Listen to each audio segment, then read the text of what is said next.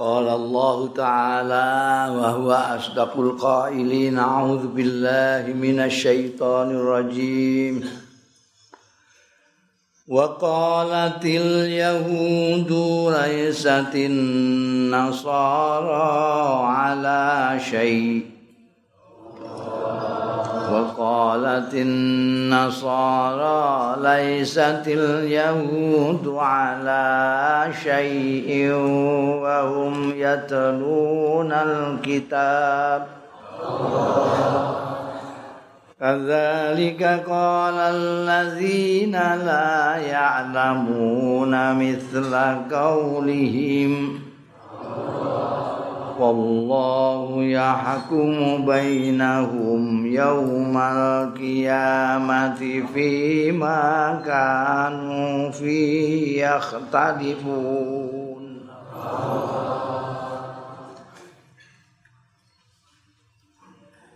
Wa qalatil yahudu lan ngucap sapa wong-wong Yahudi laisatin nasara. Ora ana sapa wong-wong Nasara, wong-wong Nasrani iku ala syai'in ing atase sesuwijining kebenaran.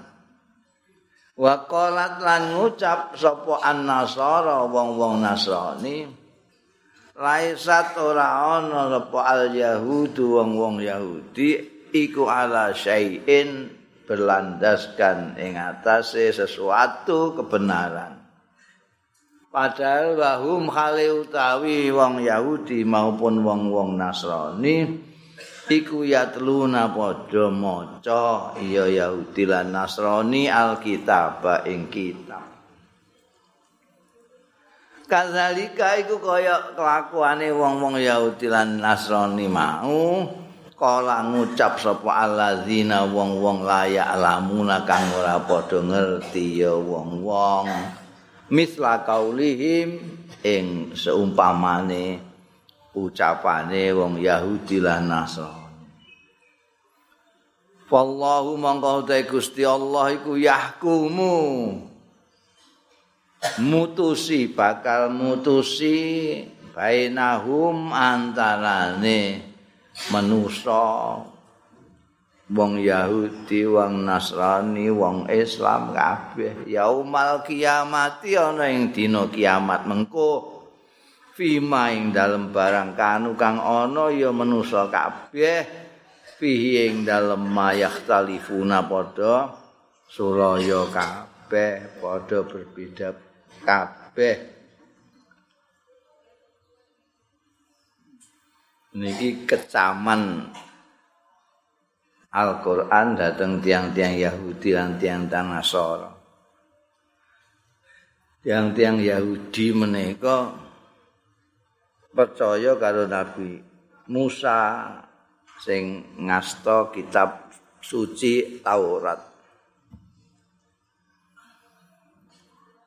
Wong-wong Nasrani menika percaya karo Nabi Isa lan kitab ingkang dipun paringake Nabi Isa inggih menika Injil. Tapi wong-wong Yahudi niku kandha nek wong-wong Nasrani iku ora nganggo dasar kebenaran apapun.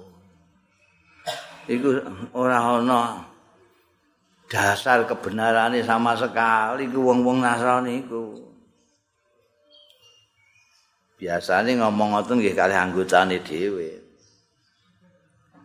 Wong Nasrani nggih ngono, kandha karo anak buahe dhewe, wong Yahudi iku ora bener, ora duwe landasan kebenaran sama sekali.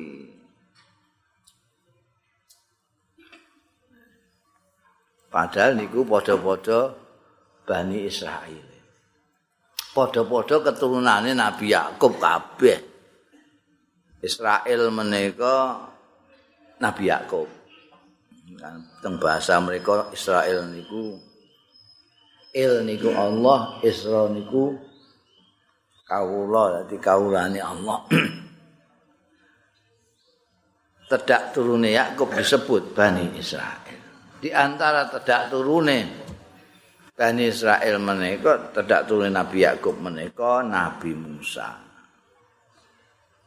Beto Taurat ngajaraken dateng tiang-tiang Yahudi.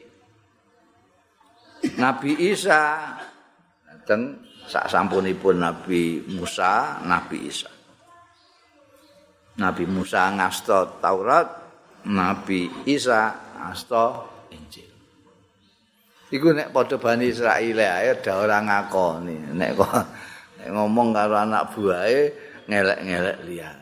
Dan apa malih dateng Kanjeng Nabi Muhammad sallallahu alaihi wasallam sing keturunane Nabi Ismail. Jane nggih padha mawon mendhuwur terus tekan Nabi Ibrahim jane. Tapi wong-wong niku mboten mikire mboten ngantek tekan Nabi Ibrahim. apa meneh kok ngantek Nabi Adam. Anjir Nabi ngantek ngendika kulukum min Adam. Kowe kabeh iku asale kok Adam. Maksudnya kan awake dhewe niki kon kudu eling nek padha-padha kuwi sak keturunan. Aja nyek-nyekan. Oh iku padha keturunan Nabi Adam kan.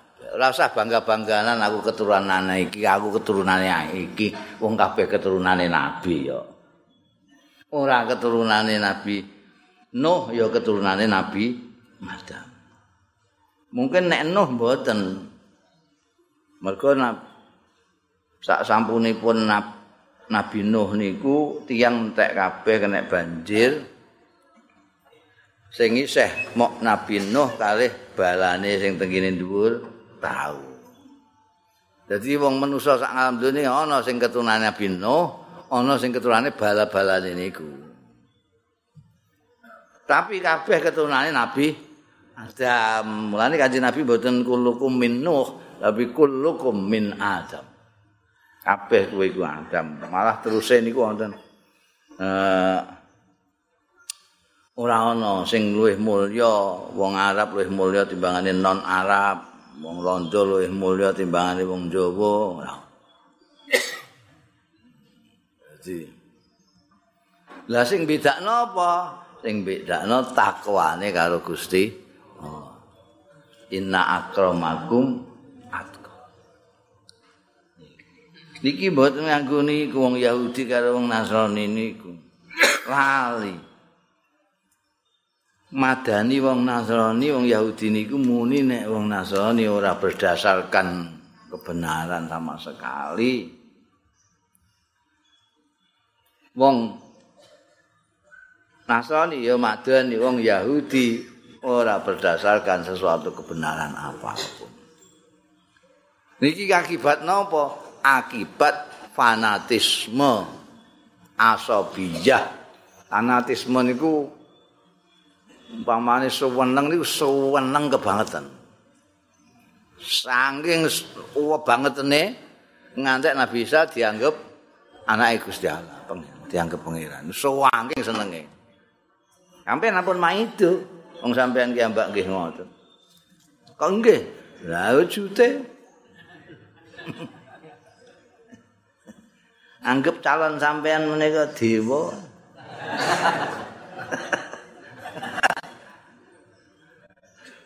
Dan kebangetan pokoknya ini, oh mulane kanji Nabi bolak-balik niku nasihati kita aja kebangetan, mangan ya aja kebangetan, ngombe aja kebangetan, beragama aja kebangetan, mergo akibate. Akibate niku iso ngilangno akal, akal sehat niki wong Yahudi Nasrani niki kelangan akal gara-gara fanatisme, kebangetan anggone nyenengi karo kelompok dhewe. nyenengi kamu gak entuk kebangetan niku. Silahkan mau makan kulu dawe Quran kulu mangan sira kabeh dikongkon malah tenggene Quran niku kathah kongkonan mangan timbangane kongkonan poso Sampeyan golek itu ayate sing kulu-kulu niku kathah sanget. Kulu mangan sira, wasabu ngombe sira, silahkan mangan ngombe ngono, seneng anem ae. Tapi wala seribu. Jo kebangetan Sampai nek kakean mangan sego niku terus kena kolesterol. Kena gula, kena macam-macam penyakit-penyakit ini mergo kakean mangan. Kakean ngombe nggih mboten sae. Beragama nggih. Beragama apa anane ngono kaya lumrahe manusa. Ora usah kenemenen. Kulo mun ate crita ana wong wedok sing hobine salat nika. Ngantek saka kene mbek saka kene dikeki tali dienggo gandulan. Nek isih seneng salat kok wis ngantuk dadi ora ceblok. Dadi salat karo gentriang gentriong ngono. Hobine salat. Lu sampean bayangake ning iki nek konangan Kanjeng Nabi kira-kira dilem apa hal? Wong sembayang ya. non ngibadah salat kira-kira dilem apa piye apa piye mung kancing nabi ku sing gawa salat sing marai salat sing dawuh sallu kamaro aitumuni usolli do salat sira kabeh kaya aku iki. Sing nyampekno dawuh aki musalla ya kancing nabi. Kira-kira nek roh. Namine Zainab nek betul salah. Zainab sing sembayang ngeten iki kira-kira kancing nabi ngelem napa sebut? Mboten. Dilokno karo Kanjeng Nabi. Kowe iki apa? Kowe iku iso kesel, iso bosen. Gusti Allah ora duwe kesel, ora duwe bosen. Biasa-biasa wae. Niki sampeyan cekeli. Aja kebangetan, jangan berlebih-lebihan dalam segala hal. Mencekali itu. seneng bojo ya biasa-biasa ngono kaya lumrahe wong lah. Ngantek akhir dina dipangku-pangku ngoten. Marai dirasani wong ya kaya di bojo dhewe. Maklum Kang, kancen anyar ngono. Nek dirasani wong. Engko sedelok engko niku sing men tingali sing keberlebih-lebihan niku. Wah, tenggene TV ini wah rame ini rakon. Duit ini jutaan, malah ana sing miliatan kanggo resepsi pernikahan. Oh, diundangi kabeh menteri kadang-kadang presiden ini barang di siarno ning televisi masa. Wah, gak karu-karuan foto sak durunge akad nikah sakwise akad nikah macam-macam pola ini ono sing gendong bojone ana lagi telung wulan wis ning gone PA pengadilan agama. Untuk perceraian. Mereka kebangetan. Sedeng-sedeng ngoten mawon. Awet. Sampai nyebul pembungan itu nek kebantul jajal gampang bledos nek lonton se se se kula pun matur bolak-balik. Wong sing bangeten keterlaluan berlebih-lebihan niku ora iso adil ora iso istiqomah. Ora iso adil ora iso istiqomah. Nabi Muhammad sallallahu alaihi wasallam ngajari awake dhewe ngamal sing apik kuwi sing lumintu senajan sithik amben sembayang duka rong rakaat. Tapi saben dina. Niku luwih apik timbangane sampean sembayang duha 24 rakaat tapi sepisan.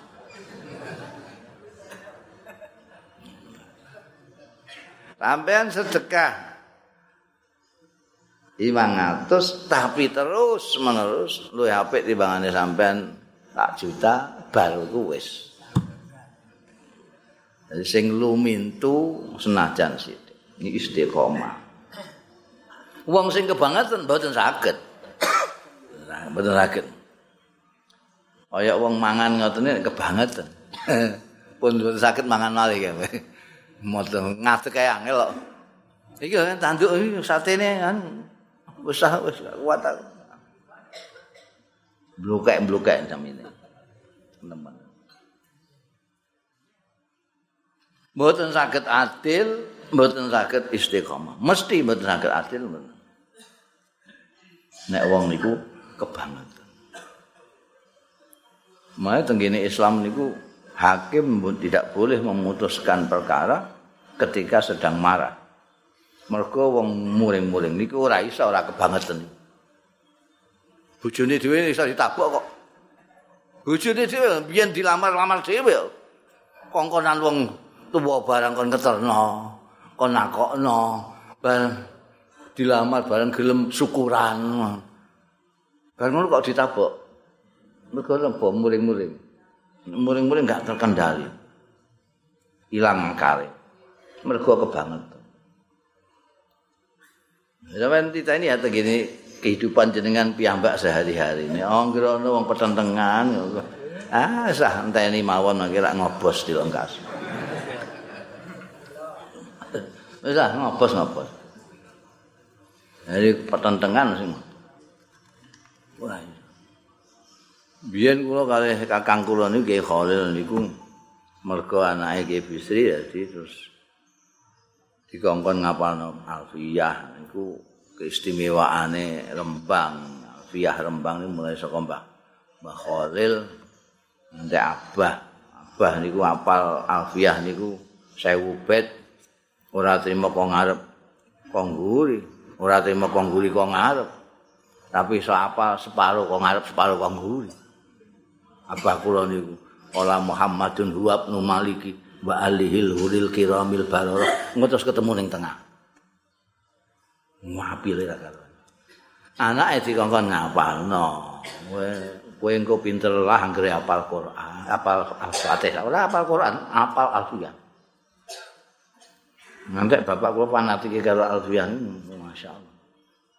Wes engko pinter lah anggere apal Jadi teng pondok niku mulai teko wis ngapal nafiah. Senajan dulur sekandung tapi wong menusa ya beda-beda. Kakang kula niku ngapal nafiah sedina siji. Ya kula guyu. ngapal nafiah kok sedina siji lah. Sewu dina lagi rampung aku. Jadi kula kula kan. Ini kakang kula. Allah yarham ya Khalil. Ya ben. Nek kowe aku seket.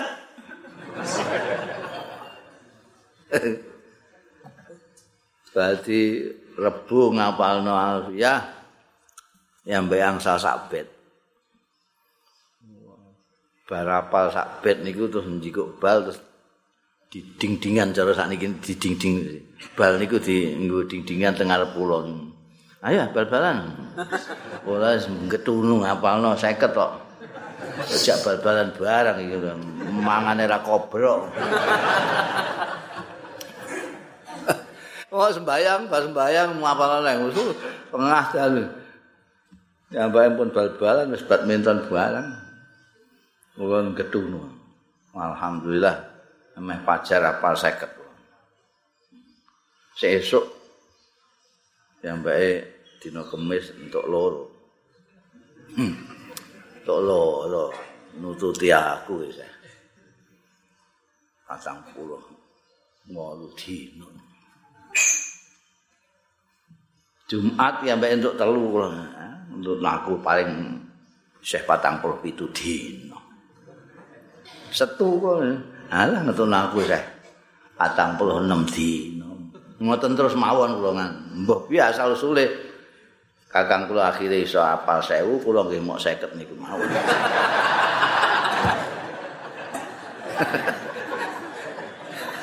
Iku wae sakeh sing lali la ilaha illallah.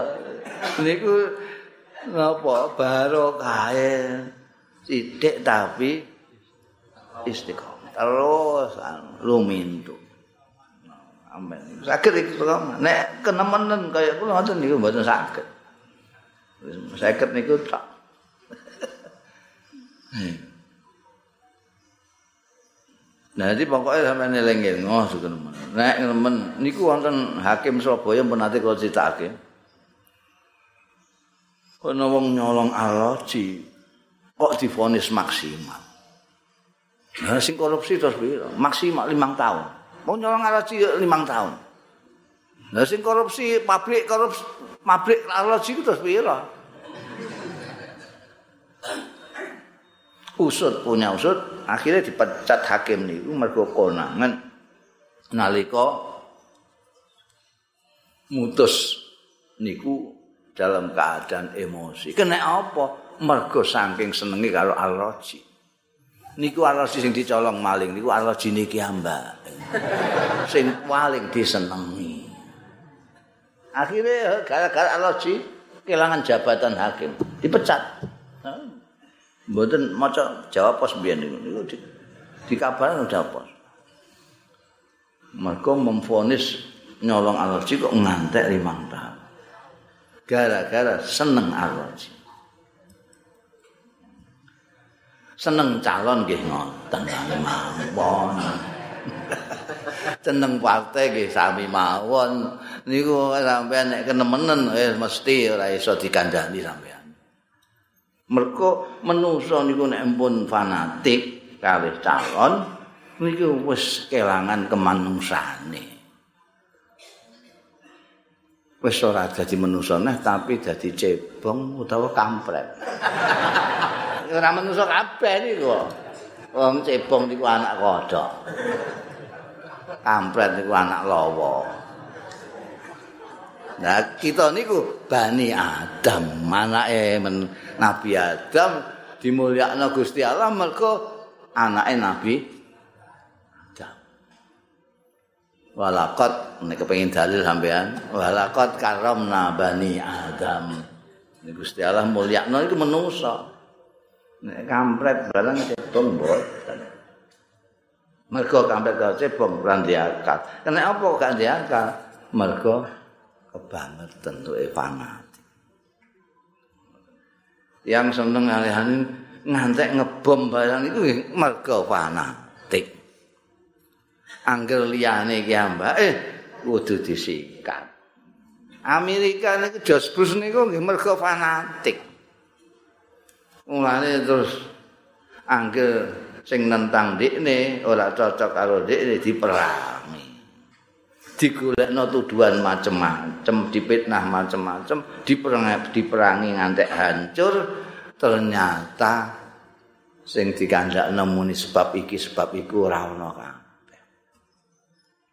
Irak dihancurno ngantek rusak. Hancur mumur ambek Amerika. Jadi ini mergo duwe senjata kimia. Mulai rak durunge perang ngantek bal perang digoleki ora ana jenenge pabrike ya ora ana ambu-ambune ora ana wis kadung rusak. Lho ngono dipindhoni ning Libya. Dipengitoni ning gone Syria. Mergo apa rangking fanatik iki ambek kebangetan kenemen. Mulane sampean seneng gedhe niku ora aja kebangetan Wona, sampean ilang akale niku. Nek keban. Nasrani kah Yahudi niku ngoten. Wong dikne maca kitab ning kitabe ana kok. Nabi Isa iku ana ning ngene Taurat, Nabi Muhammad sallallahu alaihi wasallam wonten teng Taurat, wonten teng Injil. Kok iso muni ngono? Ora dasar kebenaran sama sekali. Kena apa? Hilang akal. Kena apa kok hilang akal? Fanatik terhadap golongan ini. Tuhan diling-iling ini. Ngantek dulur kula dadi cebong utawa kampret. Kula pas duluran iku kalih menungso mawon sing dimulyakno men Gusti Allah. Wis dijaga. Sampeyan jaga. Wong awake dhewe niki malah umat Kanjeng Nabi Muhammad sallallahu alaihi wasallam. Menungso sing paling menungso niku Kanjeng Nabi Muhammad. Kula pundi-pundi ngomong, awake dhewe iki kudu syukur sing gedhe mergo awake dhewe.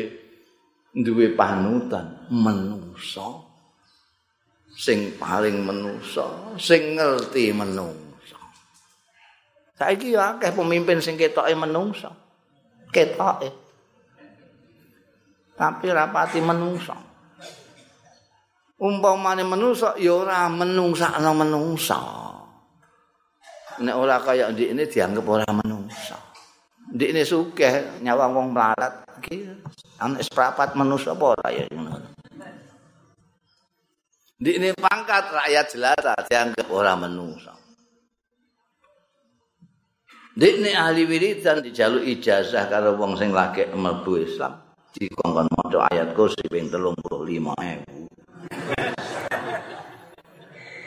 Iki segawe niku contoh niku. Iki diundang yi tapi orang ngerti manusia. Kanjeng Nabi Muhammad sallallahu alaihi wasallam manusia sing ngerti manusia. Nyontokno kemanusiaan yang betul-betul manusiawi kepada umatnya yang kabeh itu manusia. Lho kok manusane dhewe kok kepengin dadi macan lah. Kepengin dadi boyo lah. Kepengin dadi ula lah. Lagane wonten rasan-rasan. Jadi lho, ganteng tapi buaya darat. ganteng kok buaya darat. Ganteng ku ya manusa. Hati-hati lho, iku ayu tapi ula. Lho kok. Nek ula boyo ya ora iso. Ngetutno menungso ora iso. Mulane kula kadang-kadang kaya kanca-kanca aja sering-sering ning kebun binatang kuwi ndak. Nek nganggep macan gagah terus aku tak jadi macan. Kan rumah bojone digrauti.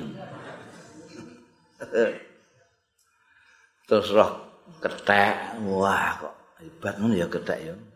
Tangane papat. Jadi nek butuh apa-apa iso nyandak kene, nyandak kene sikile maju banget. Jadi ini terus jadi wong serakah kaya ketek. Hmm. Tak niki niki zaman milenial cebong kali kampret.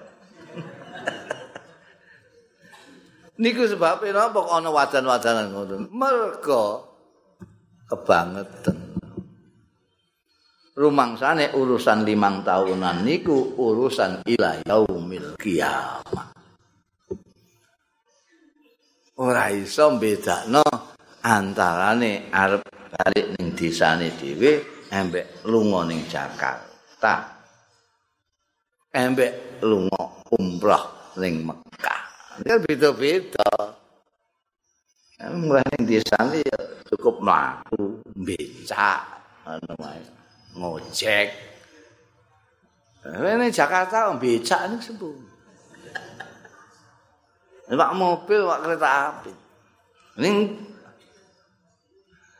ning Mekah numpak mobil itu piye? Jadi pikiran kita niku Mekah.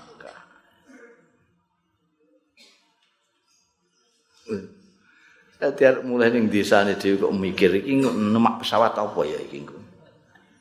Oh ya napa? Garuda.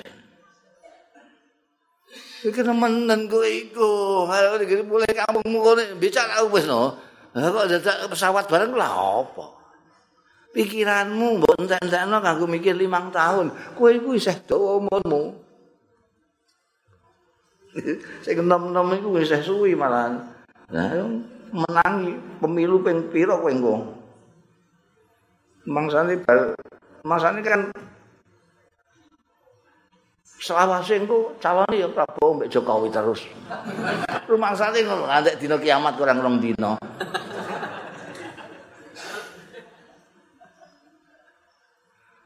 Rumangsane pilkada iki wonge ya iku-iku terus. Mboten gentak-genti.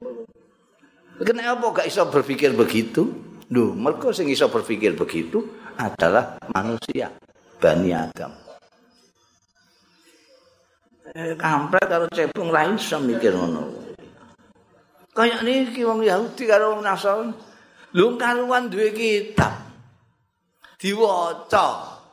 Ana keterangane jelas. Nabi Isa iku nabi sing diutus Gusti Allah nerusno Nabi Musa diparingi Injil. Lho kok muni ora ana dasare. Kok rasane ya maca teng Injil niku ana Nabi Musa nggawa kitab Taurat. Lah kok muni wong Yahudi ora ana apa-apa, ora berdasar apa. Lho omongan ngene kok kaya omongane wong sing bodho, bahasa halus ini. Niki lho, Quran niku jenengan. Kadzalika qala alladzina la ya'lamun. Jadi nek padha ya bodho kali ora ngerti niku. Tapi halus pun ya. Ora ngerti. Kowe ngerti ya? Gak. Bodho kowe. Iya, banyak soal ini bodho. Bahasa Arab jahil niku ora ngerti. Kosok wong sulit alim ngerti. Kowe ngerti ta ora? Nek kita ini orang Indonesia. Ngerti. Berarti ngalim. Ngerti Pak? Gak. Bodoh. Tapi tengkoran iki ora muni bodoh. Ora muni kadzalika qalal juhala. Omongane wong-wong iku Yahudi mek Nasrani iku. Kaya omongane wong-wong sing ora ngerti. Alladzina la ya'lamu iki wong Islam kok gak niru Quran nganggo bodho ae sih kurang halus terus sing sampe. Goblok. Bento. Dungu. Anggo golek kata-kata sing kita kita nyelekit, mbok piye sebabe kok seneng ngono iku? Ngomong mbek dulure iku dipilihno kata-kata sing kira-kira nyelekit. Lho kowe iki ora roh apa piye? Eh kan, kowe gak roh tapi. Lho gak gak gelem muni ngono. Goblok kowe ya. Hmm. Iki ra isine padha. Goblok ya ora ngerti. Kok milih sing kata-kata sing nyelekit itu lah apa? Mergo bangetan niku. Gedeng kebangetan niku sampean mesti golek kata-kata sing kira-kira nyelekit. Sing sing kira-kira mangkelno sing sampean geding ini. Ora terima. Nek kira-kira kok ndekne kok isih guyang-guyu ora terima. Nek iso sing ora iso turu. Kemplu kowe anak-anak. Bodoh saya kurang, tolol kurang, kemplu. Golek kata-kata sing kira-kira sing digedingi niku lara atine ngoten.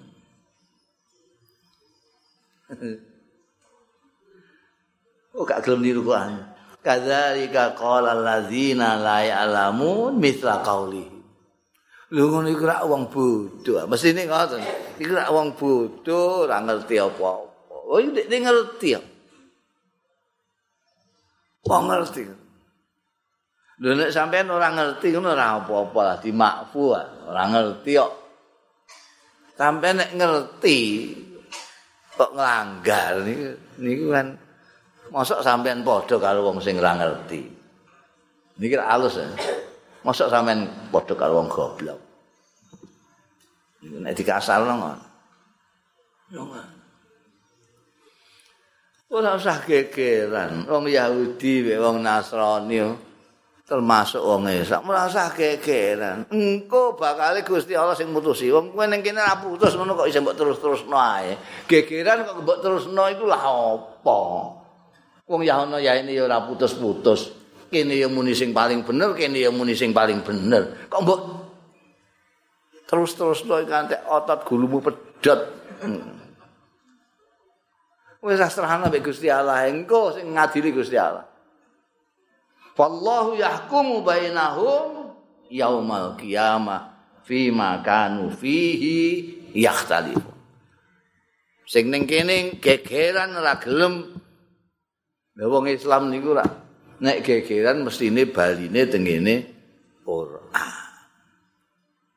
Nabi mergo kebangetan niku wau tertutup akale ora gelem balik teng Quran. Wis ingine ndak nek kowe pendapatmu ngalor, aku ngidul, ayo dibuka Quran. Dik ini ngerti, nek buka Quran, dik ini salah. Terus muni, oh soal ini aja kok, Quran-Quranan barang. Gaya ini kan ngoten, ben orang buka Quran. Mulanya orang kebang, aja kebanget. Nah, zaman Kanjeng Nabi Muhammad sallallahu alaihi wasallam niku kuwabe. Wong bekengkeng kaya apa nek diwaca Al-Qur'an, cas. Nalika Kanjeng Nabi Muhammad sallallahu alaihi wasallam kapundhut. Sayyidina Umar, Sayyidina Umar sing banget tresnane karo Kanjeng Nabi Muhammad sallallahu alaihi wasallam. Ngamuk-ngamuk ngunus pedang. Sapa sing kandha Muhammad mati? Tak Warak gulung. Oh pedang lono ini. Oh wedi kabeh. Oh. Nanti Nabi kabundut. Sapa sing meneh? Ayo. Sapa sing kanjeng Nabi? Kabundut. Sikat.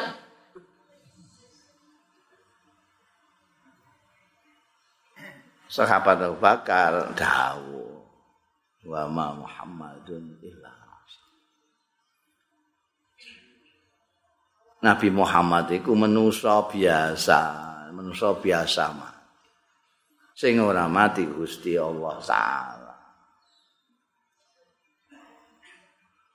Kanjeng Nabi Muhammad iku manusa dadi kapundhut. Sing ora kapundhut Gusti Allah. Mergo hayyun layamu.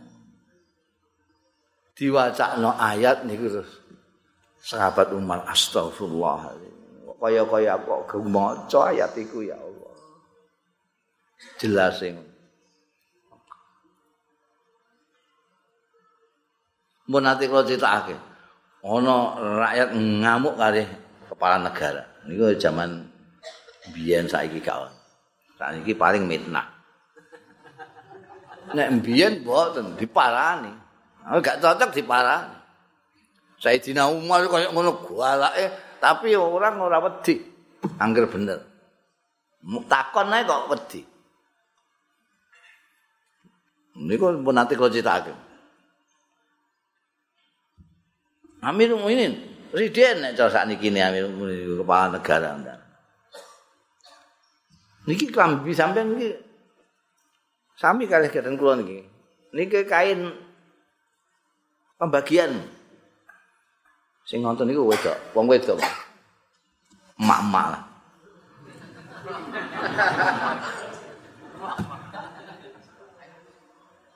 Iya, kenapa? Nek kula protes, kula protes. Winginane niku tak rong meteran pembagiane rong meteran. Jenengan semeter gede ora mungkin rong meter niku. Berarti jenengan ini mesti beda kalau lihat-lihatnya. Pun ngoten lah. Pembagian ini sama rata. Kok ono pembagian sing presiden terus 5 meter rakyat jelata rong meter niku sepuluh. Ini mesti lebih kalau meter. Oh, wani ngoten niku. Mergo napa? Mergo zaman monten niku tesih demokratis senajan ora dikandakno. Ora muni demokratis, demokratis. Demokratis bang, dirungokno kalau sahabat umat. Diprotes ngoten. Ngomong temen, wes, wes you, ampun. Jawab putrane Abdullah jawab ibu ini dijawab. Nggih Bu, terus jenengan pembagiannya namung rong meteran. Tapi ini rong meter kangge bapak mboten cekap. Mila kula ngalah lah. Kula terus gadah klambi. Bapak kula ini timbangane presiden kok ote-ote. Ora klambi. Jadi sing bagian kula kula aturake bapak. Jadi niki sing diagem bapak niki tiang kalih nih. Bapak alih kula. Eh, ya wis nek ngoten. Eh, bener napa ngapunten nggih kula. Nah, mawon. Kan enak nek ngoten niku nggih. ambek kepala negara ini sing ngomong-ngomongan sing apik. Lho, mer mergo ora fanatisme buta dadi kepenak. Wong ora ana sing kelangan akal kaya wong Yahudi karo Nasrani niku. Yahudi, Nasrani, Islam rasah bantah-bantah. Wis ora ngantek tekan kiamat kurang rong dino ora bar. Wong kono mulai lahir ning gereja, kene mulai lahir ning masjid. Ya wis. Lakum dinukum waliyati. Nek padha Islame, aku malukum wala ana maluna. Ora usah ngapir-ngapirno usah bidah-bidah kowe nek tak goleki bidahmu oh wirang-wirang kowe. Oh tapi nggo apa? Nggo. Ora bakal wong sing mbok bidah-bidahno iku terus leren ora mungkin wong iku ajarane kiai-kiai ini kok Oh kok engko janji ditakoki kono ya muni ajaran iki kiai ra wis. Engko ora ditakoki kowe wong sing ning neraka iku gara-gara kowe gak ono.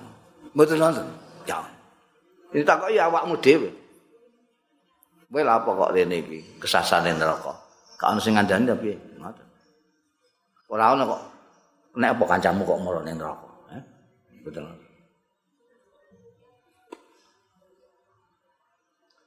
Wallahu yahkumu bainahum yaumal qiyamah fi makanu fihi yahtarifu. Nanti Allah ingkang mutusi antara tiang-tiang niku teng dina kiamat tentang apa yang mereka dulu di dunia pertentangkan. Tak ing idul, tak ing ngalor, wis saiki enteni ae delok kas. Gusti Allah piye to mutusi. bunda wa man allamu mimman mana amasajidallahi ayyul fiha ismuhu ممن منع مساجد الله أن يذكر فيها اسمه وسعى في خرابها. أولئك ما كان لهم أن يدخلوها إلا illa khaifin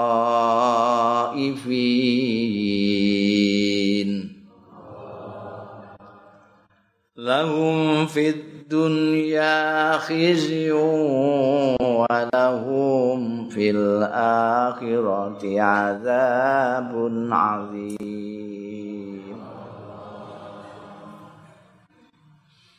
wa man azlamu mimman mana amasajidallah utawi sapa wong iku azlamu sing luweh zalim luweh ngani ngoyo luweh jahat mimman tinimbang wong mana sing ngalang-alang ya man masajidallahi ing panggonan-panggonan sujud ning Gusti Allah masjid-masjid Gusti Allah nglarang ayul kara ing yen ditutur fiha ing dalem masjid-masjid mau apa ismu asmane Gusti Allah. Wa sa'alan tumindak ya wong mau fi kharabiha ing dalem ngrusak masjid ulaika utawi kono mengkono wong sing ngono mau maka lahum ora ana lahum keduwe wong mau ayat khuluha apa? Yen to mlebu ulaika ing masjid-masjid illa khaifin kejaba padha wedi kabeh. Lahum iku kedue wong-wong mau fit dunya ing dalem dunya khizyun utawi ina. Walahum lan iku kedue wong mau fil akhirati ing dalem akhirat. Azabun azimun. Siksa sing gedhe banget sing agung.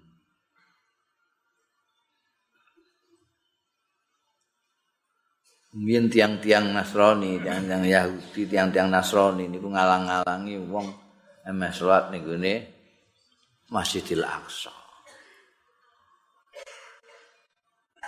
Tiang-tiang kufar Mekah ngalang-alangi Kanjeng Nabi Muhammad sallallahu alaihi wasallam lan tiang-tiang Islam badhe umrah teng kene Masjidil Haram.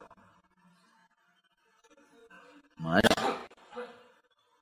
ulama-ulama tafsir ta sing ngendikake nek ayat menika tumurun mergo nalika Kanjeng Nabi Muhammad sallallahu alaihi wasallam saking Madinah badhe tindak teng Mekah alih rombongan. Orang gawa senjata blas. Peso ae ora. Dialang-alangi karo kufar Mekah. Ora oleh. Malah Sayyidina Utsman bin Affan sempat disandra barang nalika. Terus Riana kan nopo namine istilahnya saat ini nopo nih pembicaraan intens dengan mereka akhirnya terus terjadi nopo sing disebut dengan perjanjian Hudaybiyah. Karena pada waktu itu Kanjeng Nabi Muhammad sallallahu alaihi wasallam sak sahabate sing ngajeng umroh niki pun tekan Hudaybiyah. Diadang dialang-alang. Ganto. Lho kok nek ning Masjidil Haram maksude kok ning kene kok tembunge kok masjid Allah. Masjid iku rak pira-pira masjid. Masjidil Haram rak mau siji. Untuk sing nafsiri senajan Masjidil Haram iku siji. Tapi nek wong sembayang ning kono ganjarane padha karo 100.000 rakaat. Nek ning Madinah Masjid Nabawi wong sembayang padha karo 10.000 nek tenggene Masjidil Haram 100.000. Tapi niki pancen gayane Al-Qur'an niku meskipun asal usule dawuh niku Masjidil Haram tapi menggunakan masjid Allah supaya kena masjid-masjid liyane. Sing ana wong sing arep ngalang-alangi masjid, iku wong sing paling jahat. Apa meneh sing arep ngrusak? Kaya Abroha. Abroha nggawa gajah arep menghancurkan Masjidil Haram. Biyen tahun pitung puluh songo, kula ngalami kiambak ngantek kula nate tawaf dhewean niku tahun 79. Masjidil Haram bar kaji bener niku diduduki karo pemberontak. Diduduki karo pemberontak sing dipimpin kali namine Juhaiman. Wong sing fanatik lagi-lagi mergo kebangetan fanatik. Diwarai akidah model Saudi nalika niku Wahabi niku. Tok nampa kenceng banget. Terus delok kelakuane wong-wong pemerintahan ning Saudi ora cocok karo ajarane iki sikat niku mbiyen mlebu Masjidil Haram niku bebas nggawa apa bebas. Gara-gara kejadian 79 niku sakniki diperiksa nek arep mlebu masjid. Mergo nalika niku pemberontak mempersiapkan amunisi, logistik segala macam untuk memulai pemberontakan itu sidik demi sedikit. Nggo beras, nek cara mriki nggo gandum, nggo kompor, nggo mesiu, nggo senjata. Niku digawa di dilebokno teng ngisor basement teng kene Masjidil Haram niku wonten basement tingkat paling bawah niku dinggo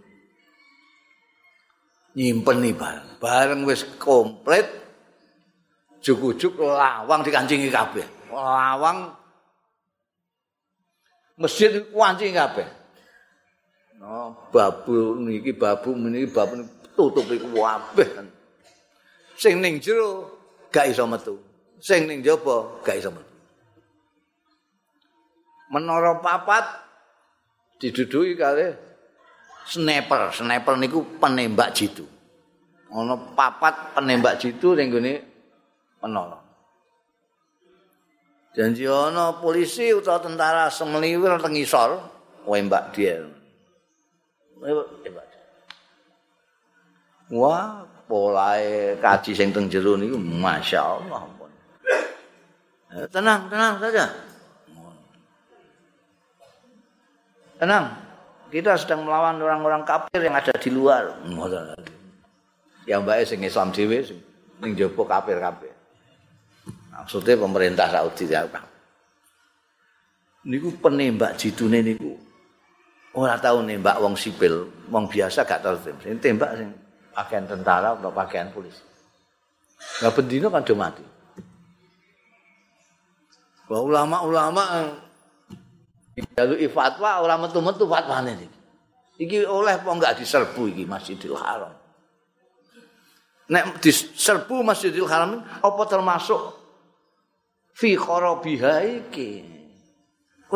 Termasuk sa'a fi kharabiha. Tumindak kanggo menghancurkan masjid. Mbah gak iso jawab kan nek akhirnya sing sakit jawab malah saking ulama ahli sunnah wal jamaah Said Muhammad Said Muhammad Alawi manggil hujah hadis-hadis segala macam bisa barang muni bisa terus diserbu lawang sing tenggini Mas An iku dibasoka ora tembus. Padahal basokan itu senjata sing dikun ngantem motor tang. Ngantem lawang kok gak tembus. Akhirnya motor tange mlebu. Duel. Niku korup tenan niku. Pun beberapa hari pemberontak Aisyah teng Israel mriku tapi pun dikuasai kali pemerintah kaji wis entek kabeh. Tentara tok sing jaga tentara. Mergo teng Israel niku tesih wonten pemberontak lah kula ajeng wangsul dereng wadah dereng tawah wadah niku kula wane-wanekno kanca-kanca kula kula jek gak sing wani wis aku dhewe sampeyan Muatek ning kene malah HP. Sekolah kau, mereka wonten panglimane kok tak. Saya ini orang Indonesia, belum tawaf pada. Saya kalau mau tawaf pada sebentar boleh enggak? Hah? Nalika niku sing jenggoten sing dicurigai ini, kula mboten jenggoten blas.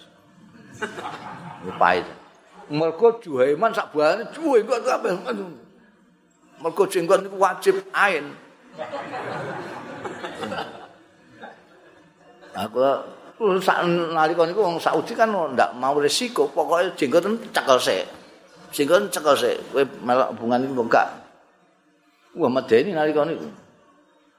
Nalika niku untunge kula kelimis ngeten iki. Oleh tawaf tapi dikancani tentara. Ini diantar awak ditunggoni tentara kok. Nah gak dicurigai tapi tetap dijogo tentara.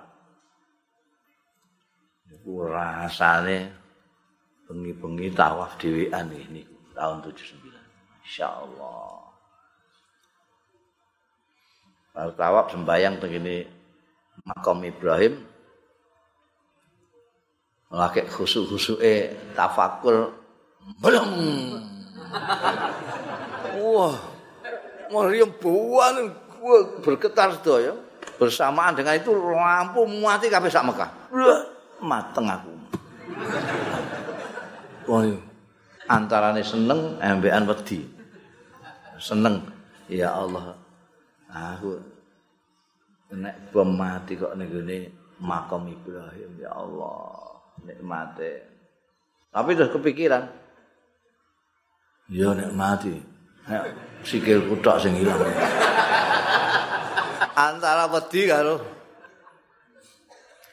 Langsung dipalani tentara. Anda sebaiknya di luar saja. Silahkan kalau sudah selesai ternyata di luar tidak lebih baik. Enak teng jero. Njaba urang peteng wong guru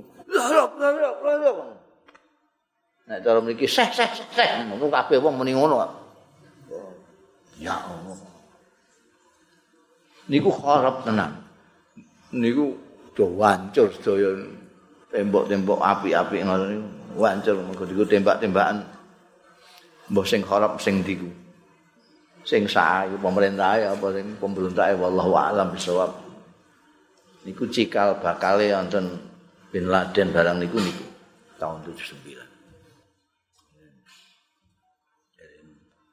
Mergo saking kenemenen. Amen niku nek mulane kula bolak-balik kanca pundi-pundi kok kanca oh, jangan berlebih-lebihan, aja petentengan, aja kebangetan.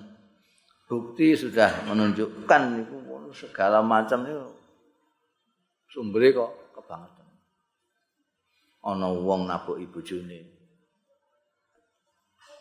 dilamar-lamar dhewe. Ditabuk niku mergo kebangetan. Ana mantu nekat maratuwa. Eh mergo kebangetan. Ana wong Islam mek wong Islam fitnah fitnahan mergo Pola niki ajarane Kanjeng Nabi niku paling apik niku. Al khairu kulluh fitiba Rasul sallallahu alaihi Sing paling apik dari yang terbaik adalah mengikuti Rasulullah sallallahu alaihi wasallam. Wong janjian sampean balekake teng Kanjeng Nabi ngoten Aku ngene iki bener ta ora? Misoi dulurku dhewe iki bener ta ora? Balekno teng Kanjeng Nabi. Nek pancen umat Kanjeng Nabi tenang. Umat Kanjeng Nabi kok sing di Rutno kok gato lucu. Sopo sing paling zalim? Ngumpuli wong-wong sing ngalang-alangi wong ning gone masjid. Iki niki iki. Wis kenemenen no. Israel ini saking wedine karo wong-wong Palestina. Wong Palestina niku amene masjid ya dialang-alangi. Juwo kok ketate ra karuan. Wong arep. Hmm. Biyen niku nggih ngoten kene zamane galak-galake orde baru nggih ngoten. Oh. Bapak kula ajeng ngaji niku tanda tangane 20. Lagi oleh pidato. Mulai dari ketua RT, ketua RW, cari lurah dan rampil. Mantap. 20. Niku mana masa cita ayo karo fi hasmu wong ameh nutur asmane Gusti Allah kok gaul Zaman Kanjeng Nabi Muhammad sallallahu alaihi wasallam dialang-alangi tenggine Hudaibiyah akhirnya anaknya perjanjian Hudaibiyah sing ngelanggar perjanjian justru wong Mekah dhewe. Wong akhirnya serbu warani Kanjeng Nabi sak balane wonten entarane nalika niku Kanjeng Nabi mboten bae-bae. 10.000 pasukan Islam. Muhajirin Ansar oleh tiang-tiang Arab-Arab sekitar. Puluh ribu. Gila. Wong-wong Mekah gila kan wedi kabeh dikongkon mlebu ning masjid Kanjeng Nabi ngendika sing sapa wonge mlebu ning masjid aman. Sing sapa mlebu omahe Abu Sufyan aman. Sapa sing mlebu omahe dhewe dikancingi kon jero aman. Ora ana sing wani mlebu masjid. Umpamane mlebu masjid ya ayat khuluha khaifin. Wedi mlebu masjid wedi mergo asale ngalang-alangi wong ning masjid. Saiki ini wedi wong-wong sing ngalang-alangi dituture asmane Allah. Wong arep zikir dialang-alangi menika wong-wong iku mau ning dunyane ya ora kepenak kabeh ino ning akhirat malah entuk siksa ning Gusti Allah sing banget. Walillahil masyriku wal maghrib. Wallahu a'lam